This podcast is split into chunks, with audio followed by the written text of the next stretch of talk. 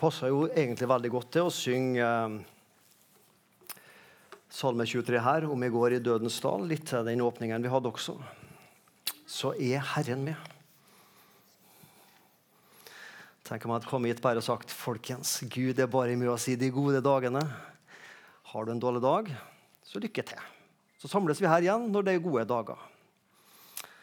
Nei, en sånn lykkereligion har vi ikke. Vi har en Gud som er med oss hver dag. I dag så skal dere få gleden ikke først og fremst å høre meg, for meg hører dere rimelig ofte, men i denne talen så dukker det opp en taler til. Det er Aud Hoftun. Hun skal ha en del også av talen. Så Vi har delt den i tre. Først sier jeg noe, så kommer Aud opp, Aud opp, og så skal jeg avslutte. Som Camilla sa, så snakker vi om Efeserne 6, 10-18, Guds fulle rustning. Det er tema for mange av søndagsmøtene nå i høst fram til ca. midten av november. Og Vi starter rett og slett med at vi leser de versene. Kapittel 6, vers 10-18. For øvrig, bli sterke i Herren, i Hans veldige kraft. Ta på dere Guds fulle rustning, så dere kan holde stand mot djevelens listige angrep. Vi har ikke kamp mot kjøtt og blod, men mot maktene, myndighetene, mot verdens herskere i dette mørket og mot ondskapens ånde her i himmelrommet. Ta derfor Guds fulle rustning på dere, så dere kan gjøre motstand på den onde dag og bli stående etter å ha overvunnet alt. Stå da ombundet med sannhetens belte om livet og vær iført rettferdighetens brynje ha som sko på føttene den beredskap som fredens evangelium gir. Grip fremfor alt troens skjold, som dere kan slukke alle den ondes brennende piler med. Ta frelsens hjelm og åndens sverd, som er Guds ord. Be til enhver tid i ånden med all bønn og påkallelse. Vær årvåken i dette med all utholdenhet i bønn for alle de hellige. Dette er en tegning av en rustning. Og Nå skal ikke jeg bruke tid på å gå gjennom hver enkelt bestanddel der, men eh, det er ikke akkurat sånn soldatene ser ut i dag. Eh, men poenget er jo det samme. Du må beskytte deg, og du har noe du angriper med. Men på denne tida, når eh, Paulus skrev dette her, så, ja, så så vel soldatene kanskje i alle fall mer eller mindre sånn ut. Delvis. I dag så skal vi som det ble sagt, snakke litt mer om hjertet, det å beskytte hjertet vårt. I bibelteksten så hører vi om et troens skjold som skal på en måte stoppe kuler og krutt og, og piler. I dag skal vi snakke om det å beskytte hjertet vårt. For eh, eh, ca. en måneds tid siden så taler jeg på dette søndagsmøtet om tre kamper, tre fiender vi som kristne har. Tre kamper vi står i. Og Jeg bare kort nevner det her nå, så vi har det som en liten bakgrunn. Vi har en kamp mot uh, djevelen, eller styggen på ryggen, som hvisker oss uh, gale ting inni øret og hjertet. Vi har en kamp mot uh, fristelser. Da kom disse bildene opp når jeg googla fristelser. Så kan vi jo se om vi kjenner oss igjen i noe der. der. Men vi har ulike fristelser som møter oss. Det trenger ikke jeg bruke tid på. Det kjenner vi at det møter oss på ulike måter. Og vi har en kamp eh, mot syndenaturen i oss, kjødet, som er der alltid, og som ikke vil Guds vilje, og vil hindre oss til å leve med Gud. De tre kampene står du og jeg i fram til vi legger grav. Beklager å måtte si det men, det, men du visste det sikkert selvfølgelig likevel. Men de kampene må vi stå i helt fram så lenge vi lever. Men i dag så er det altså troens skjold, kampen om hjertet. Og litt mer de indre kampene.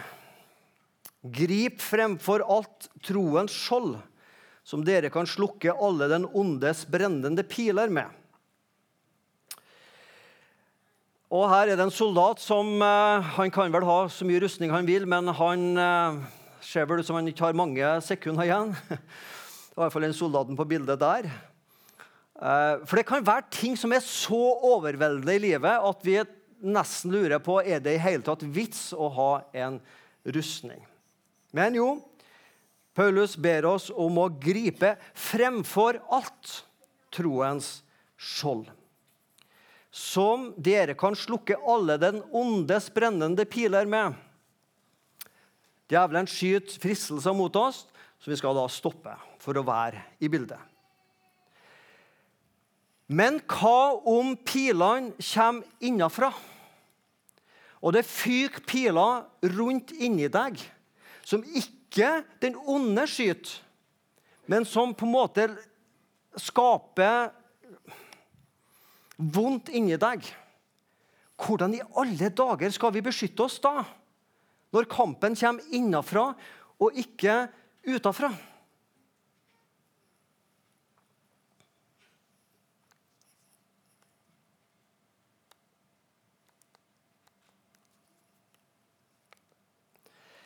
Jeg skal, Før Aud slipper til, så skal jeg kort nevne tre indre kamper som ikke bare jeg, men jeg tror alle vi står i. Den første kampen er jo mot synda. Det kan være den onde utenfra, men den onde har altså en alliert på innsida. Og det fyker piler rundt inni meg. Tanker som på en måte gjør at jeg kjenner på skyld, jeg kjenner på skam, jeg kjenner på en såra samvittighet. Det kan være fortidens synder som plager meg. Hadde jeg bare ikke gjort og sagt det og det i 1985, eller når det måtte være, så hadde det vært bedre enn nå. Dette kjenner vi igjen. Disse syndens piler som fær rundt og skaper vondt inni oss. Hvordan kan vi beskytte oss mot det? Hva er skjoldet her? Det kan sikkert være mange ting, men jeg skal gi deg et skjold i dag. Og Det er det skjoldet som Jesus brukte når djevelen kom og frista han. For djevelen sa ja, men det står jo skrevet i Gammeltestamentet. De brukte jo ikke det ordet den gangen, men det står jo skrevet i Skriften at sånn og sånn. Hva gjorde Jesus da? Jo, men det står også skrevet Jesus møtte et angrep med å sitere Guds ord overfor djevelen. Og Jeg tror at vi trenger å væpne oss med denne tanken at Guds ord og sitere Guds ord for oss sjøl kan være et skjold mot når vi kjenner på denne samvittigheten og det vonde inni oss. Og si til oss sjøl ja, men det er jo sant, Gud, som Paulus skriver. Der synden var stor, ble nåden Enda større, ikke sant? Der nåden var stor, ble en Nei, der synden var stor, ja. Der synden var stor, der ble nåden enda større. Men Det betyr jo ikke at jeg tenker ja, ja, ja, da er det jo bare å synde, da, for da får jeg jo mer nåde. Nei, men det skal du roe hjertet ditt med. Når du kjenner at synda er stor, så skal du vite nåden er enda større. Takk, Jesus, for det. Og Hva er det Johannes skriver i sitt første brev? Jo, han skriver vi er syndere. Men dersom vi bekjenner våre synder, er han trofast og rettferdig, så han tilgir oss alle syndene. Og så må jeg se på jukselappen, ja. Så han tilgir oss syndene og renser oss for all urett. Det å pugge sånne ord utenat og si det til deg sjøl når du kjenner at synda er der, det tror jeg er et godt skjold. Det var synda. Kort om synda. Jeg tror den andre indre kampen vi har, er bekymringa. Mens syndene fort handler om gårsdagen og fortida, så dreier bekymringa seg veldig fort om dagen i dag, eller kanskje enda mer om dagen i morgen. Ting i nær familie, helse, arbeid, økonomi Venner, menighet, gudstro, pandemi, klima, verdenssituasjon, Putin osv. Vi har aldri levd nesten i en tid kanskje med mer grunn til bekymring. Og det kjenner vi på. Jeg trenger ikke å male ut det. Og noen av oss er også sånn skrudd sammen at hvis vi ikke har bekymringer, så blir vi bekymra da også. Jeg har jo ikke bekymringer. Det må jeg jo bekymre meg for. Ja. Hva i all verden gjør vi? Hva slags skjold kan vi holde oppe når bekymringen for dagen i dag og morgendagen herjer på innsida og pilene fyker vilt omkring? Sikkert mange ting. Jeg hørte en gang en setning, og den må tas på engelsk. Jeg skal oversette den, men den, du skjønner fort at den gjør seg best på engelsk. I møte med livets situasjoner, spesielt krevende situasjoner, så har vi et valg. Og på engelsk You can either worry or worship. You can either worry or worship. Du kan enten bestemme deg for å bekymre deg eller å tilbe. Høres jo litt enkelt ut. Men hva er poenget? Jo, når jeg bekymrer meg, så gjør jeg meg egentlig sjøl til Gud. For det er jo jeg som har fikset opp i framtida. Og da har jeg jo grunn til å bekymre meg. For hva kan lille jeg gjøre i møte med framtida? Men hvis Gud er vår Gud, så kan vi få tilbe Han som er den som har sagt 'kast alle bekymringer på meg'. O Jesus, åpne du mitt øye, så jeg kan se hvor rik jeg er. Jeg har en Fader i det høye, som Fader om hu for meg bær. Som Fader om hu for meg bær. Hæ? Du har en far som Fader omhu for deg bær. Også i møte med livets bekymringer. Tredje tingen, litt kort før eh, Aud skal få slippe til, og det er det indre sår. Synd, bekymringer, indre sår. De kan enten være sjølpåført, eller de kan være påført indre sår av andre mennesker. Synd er ikke bare det jeg sjøl gjør, tenker og sier, men det kan også være det andre gjør mot meg, og det jeg gjør mot andre. Vi bruker sverdet, Guds ord, eller ikke som Guds ord, men vi bruker sverdet til å stikke hverandre med ord og gjerninger. Hva når de brennende pilene enten er sjølforskyldt eller sendt av andre mennesker? Hjertet er såra og tynga.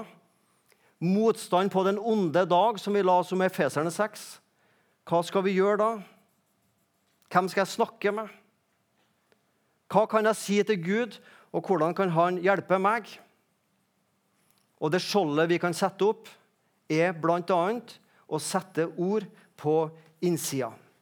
Og det vil Aud nå si noe om.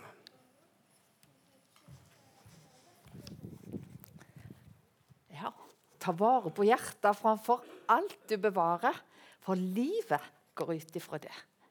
Hjertet er selve senteret for både relasjon til Gud og til hverandre, til livet. Eh, jeg har med meg en sekk opp her i dag. Den sekken den har jeg stort sett med meg hvor jeg fer. Og der ligger det mye, ofte mye rot. Eh, eh, og så er det òg et symbol på den indre sekken som vi alle bærer med oss. En indre ryggsekk som noen ganger kan kjennes lette ut, andre ganger tyngre. Hva er der oppi denne sekken? Svein Anton snakket i stad om indre sår. I vår indre ryggsekk der er det mye bagasje som er blitt lagt oppi. Noe av nyere dato. Noe er blitt lagt der helt ifra, ja, faktisk før vi ble fødte. Det handler om eh, ord som har blitt sagt. Sannheter som har blitt prenta inn i oss. Blikk, stemninger. Konkrete hendinger som har skjedd gjennom livet. erfaringer vi har gjort oss, på godt og på vondt. I vår indre ryggsekk, der har vi mye godt som vi skal få lov å ta vare på og gi videre. Og Samtidig så vil det òg i ethvert menneske sitt liv være noe som ikke er med å fremme livet, men som tvert imot er med å skade hjertet. Som påvirker både hvordan vi tenker, det påvirker følelsene våre, og det påvirker hvordan vi lever livet. Hvordan vi forholder oss til oss sjøl, til andre mennesker. Hvordan vi forholder oss til Gud. Det å ta vare på hjertet, beskytte hjertet, det kan handle om å få sortert det som er oppi den indre ryggsekken vår. En klok mann som heter Gordon Johnsen, psykiater som starta Modum Bad, han har en gang sagt eh, det du blir bevisstgjort, det kan du gjøre noe med. Det du ikke får bevisstgjort, det gjør noe med deg. Hvordan rydde opp i denne sekken? Ofte er det kanskje kriser som gjør at, får, at ting kommer opp til overflaten og gjør at vi får behov for å se litt på hva som er oppi der. Og Da tror jeg det er noe som er mer til hjelp enn noe annet. Og det er å ha noen å gå i sammen med. Det er ikke så lett å få tak i alt som er der. For jeg og han, vi trenger noen som kan gå på sida av oss. Eh, Sjøl så har jeg hatt veldig bruk for det opp gjennom livet. Å få tak i hva er det som ligger bak de tankemønstrene jeg har. Hva er det som ligger bak at jeg kjenner det sånn som jeg kjenner det? Hva som gjør at jeg ikke gjør det jeg gjerne ville gjort? men tyr til destruktive handlingsmønster. Det har vært kjempeviktig. Eh, Sjøl sitter jeg nå ganske mye i samtalerommet. Jeg skal fortelle mer om det etterpå. Eh, men jeg sitter og lytter til mennesker. Ofte så er det kanskje en konkrete ting som har inntruffet i livet. Eh, det kan være en livskrise på en eller annen område. Det kan handle om vanskelige relasjoner. Det kan handle om tap, enten en har mista noen ved død, eller det er relasjoner som har gått i stykker. Mennesker som har forsvunnet ut av livet. Eh, det kan handle om endring i både arbeidssituasjon, helse, tap av helse. Eh, depressive tanker som har kommet snikende manglende livsmot og energi. Det kan være så mange ting, og det kan være ting som går på truskrise. Den Gud som jeg har stolt på, og som jeg har trodd på hele livet, hvor er han nå? Hvordan skal jeg forholde meg til han nå? Og så har jeg gang etter gang sett når vi sitter i samtalerommet, når folk begynner å åpne opp sekken så kommer det ting opp, og så ser en at Oi, ting henger sammen. Det som ligger i ryggsekken, både av nyere dato er lagt inn i, og ting som jeg ikke var klar over var der engang, det påvirka hvordan jeg forholder meg til livet i dag. Her en dag skulle jeg ut på en tur til Oslo. Og Da hadde jeg behov for å rydde opp i sekken min. Hive ut av en del ting som ikke trong ligge der, og ting som var uheldige når jeg skulle gjennom sikkerhetskontrollen. Og Da oppdaga jeg Oi! I bunnen på sekken der lå det ei råten banan. Heldigvis så tror jeg ikke hun hadde lagt så mange dager, for jeg husker at jeg hadde putta det oppi tidligere i uka. Men oi Den var viktig til å få ut av. Den kunne ha ødelagt både bøker og andre ting hvis den hadde blitt liggende.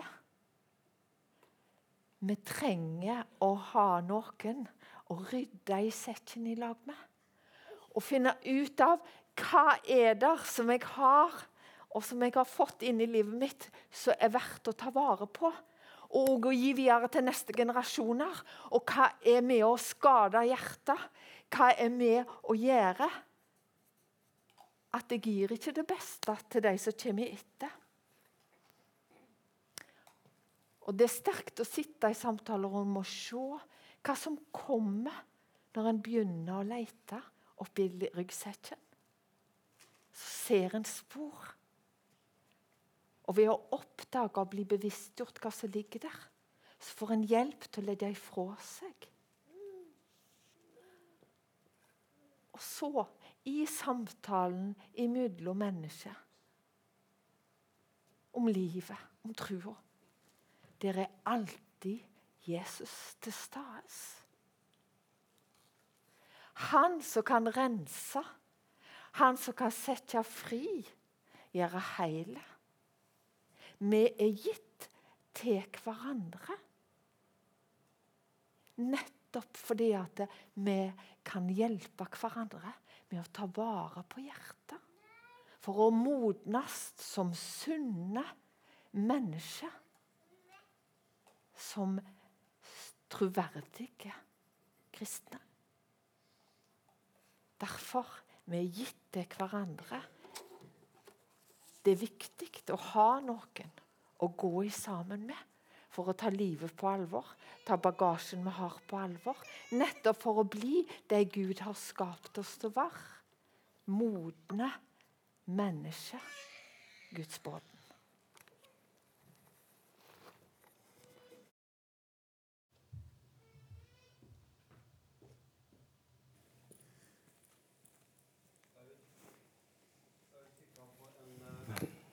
Aud fikk fram på en fin måte betydningen eh, av å rydde opp ting i livet.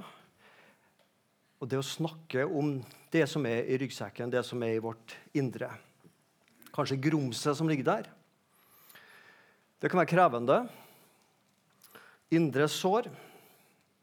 Men det ligger en styrke i det å tørre å sette ord på ting og fortelle det. I sjelesorg til noen eller kanskje også til flere ved behov. Jeg skal si nå resten av talen ta fram styrken med å tørre å stå fram og si ting. Og Du skal få møte to mennesker som har vært i media i løpet av det siste, bare den siste ei, ei og halv uke, som snakker om betydningen av å si ting. Og de kommer på storskjermen nå.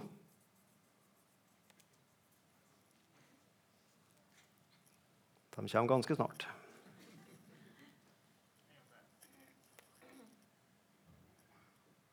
Der hjemme. Liv Signe Navarsete og Ragnvald Soma. De har ikke jeg preka om før. Om jeg kommer til å gjøre det igjen, det vet jeg ikke. Men de har vært i media. Og Du har sikkert fått med deg i alle fall Liv Signe Navarsete sin historie. Um, Senterpartileder, storting, regjering. Og hennes historie handler om å bli såra utenfra, ondskapsfullt, helt ubeskytta. Om det å tilgi eller det å ikke tilgi. Liv Signe hun eh, måtte oppsøke en prest, stortingspresten, etter at hun mottok en trakasserende sexmelding fra en eller flere karer som var på hyttetur i Trøndelag fra Senterpartiet. De hadde uh, drukket litt mer jodlevann enn de burde ha drukket, og skrev en melding som på ingen måte egner seg til å sitere. Hun fikk den uh, i en sårbar situasjon, og den var ei pil som gikk så langt inn og såra så mye at hun sa sjøl hvordan kunne hun be Fader vår når hun visste at hun ikke greide å tilgi dem som hadde vært så onde mot henne, spør hun i boka 'Jeg veit hva jeg snakker om'.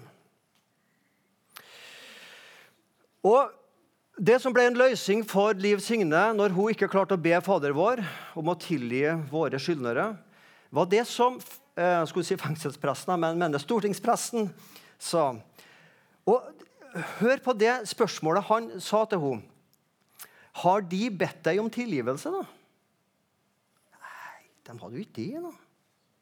Det er ingen av karene som var på den hytteturen i 2016 som hadde bedt om tilgivelse for denne trakasserende sexmeldinga. Og så sier stortingspressen om det ikke er noen som har bedt om deg om tilgivelse, så er det jo ingen mottaker for tilgivelsen. Da er det jo ingen å tilgi.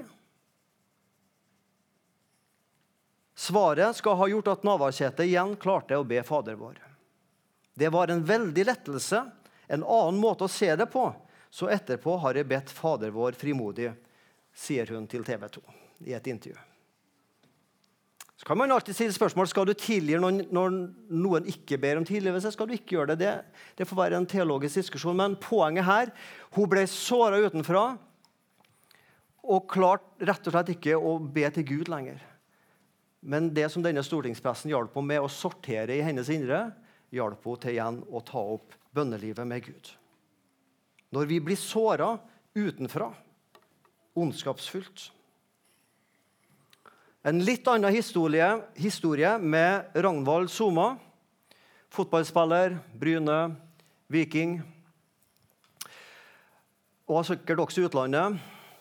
Um, og han var det et lengre intervju med i uh, avisa Dagen den uh, eh, 10. oktober.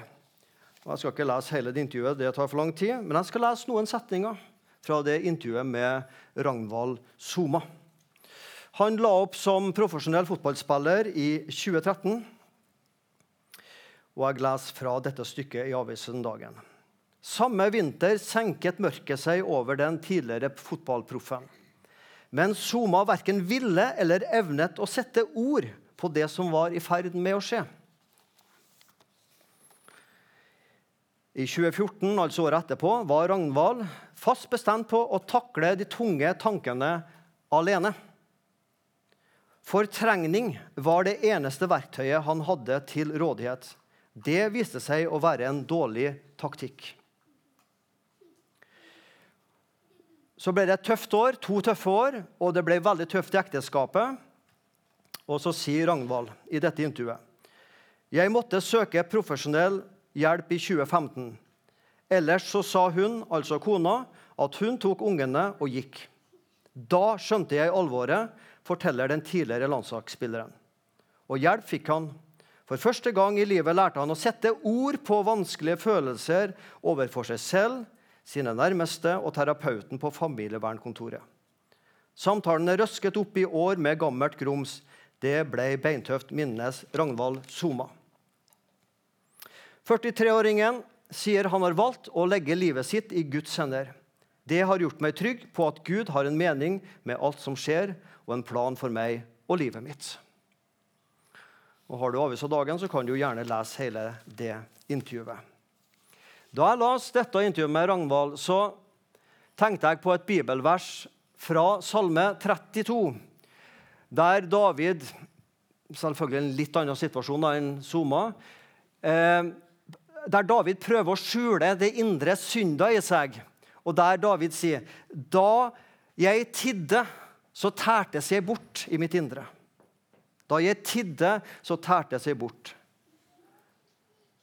Da jeg tidde, så Signe, Liv Signe Navarsete delte jo denne meldinga med sine nærmeste, sannsynligvis, iallfall mannen, og fikk hjelp sånn. Men det, det, ble likevel for vanskelig til å be Fader vår. Og Ragnvald han ville fikse opp i hele livet sitt alene. Ikke ha noen å snakke med om de vanskelige følelsene. Og det gikk på ekteskap løs og mange ting. Da jeg tidde, tærtes jeg bort. De fikk begge hjelp. Og Jeg skal på ingen måte sammenligne meg verken med Liv Signe eller Ragnvald Soma. Og har sikkert ikke opplevd så tøffe ting som dem. Nei, det har ikke jeg. Men når jeg tenker også tilbake på mitt liv, så er jeg utrolig glad for at ikke minst i studieåra, i de åra der jeg måtte sortere en del ting i livet mitt, så var det godt å ha en å snakke med og lufte tankene med. Og jeg er en av de heldige som fikk gå og snakke mange timer med Gunnar Elstad, som mange av dere kjenner. Om det som rørte seg på innsida. Å bearbeide følelser, tanker om meg sjøl, tjeneste og mange ting. Ja. Jeg er utrolig glad i ettertid at jeg tok det spranget og gå til Gunnar. Kan jeg få snakke med deg, Gunnar? Hva føler du nå? Kan du si hvor, hvor hen i kroppen sitter det nå? Ja, Dere ler noen. Dere kjenner kanskje igjen Gunnar. Et fantastisk menneske. Styrken å få snakke om ting. Og Jeg har lyst til å avslutte denne talen med at vi skal lese litt sammen fra nettopp Salme 32.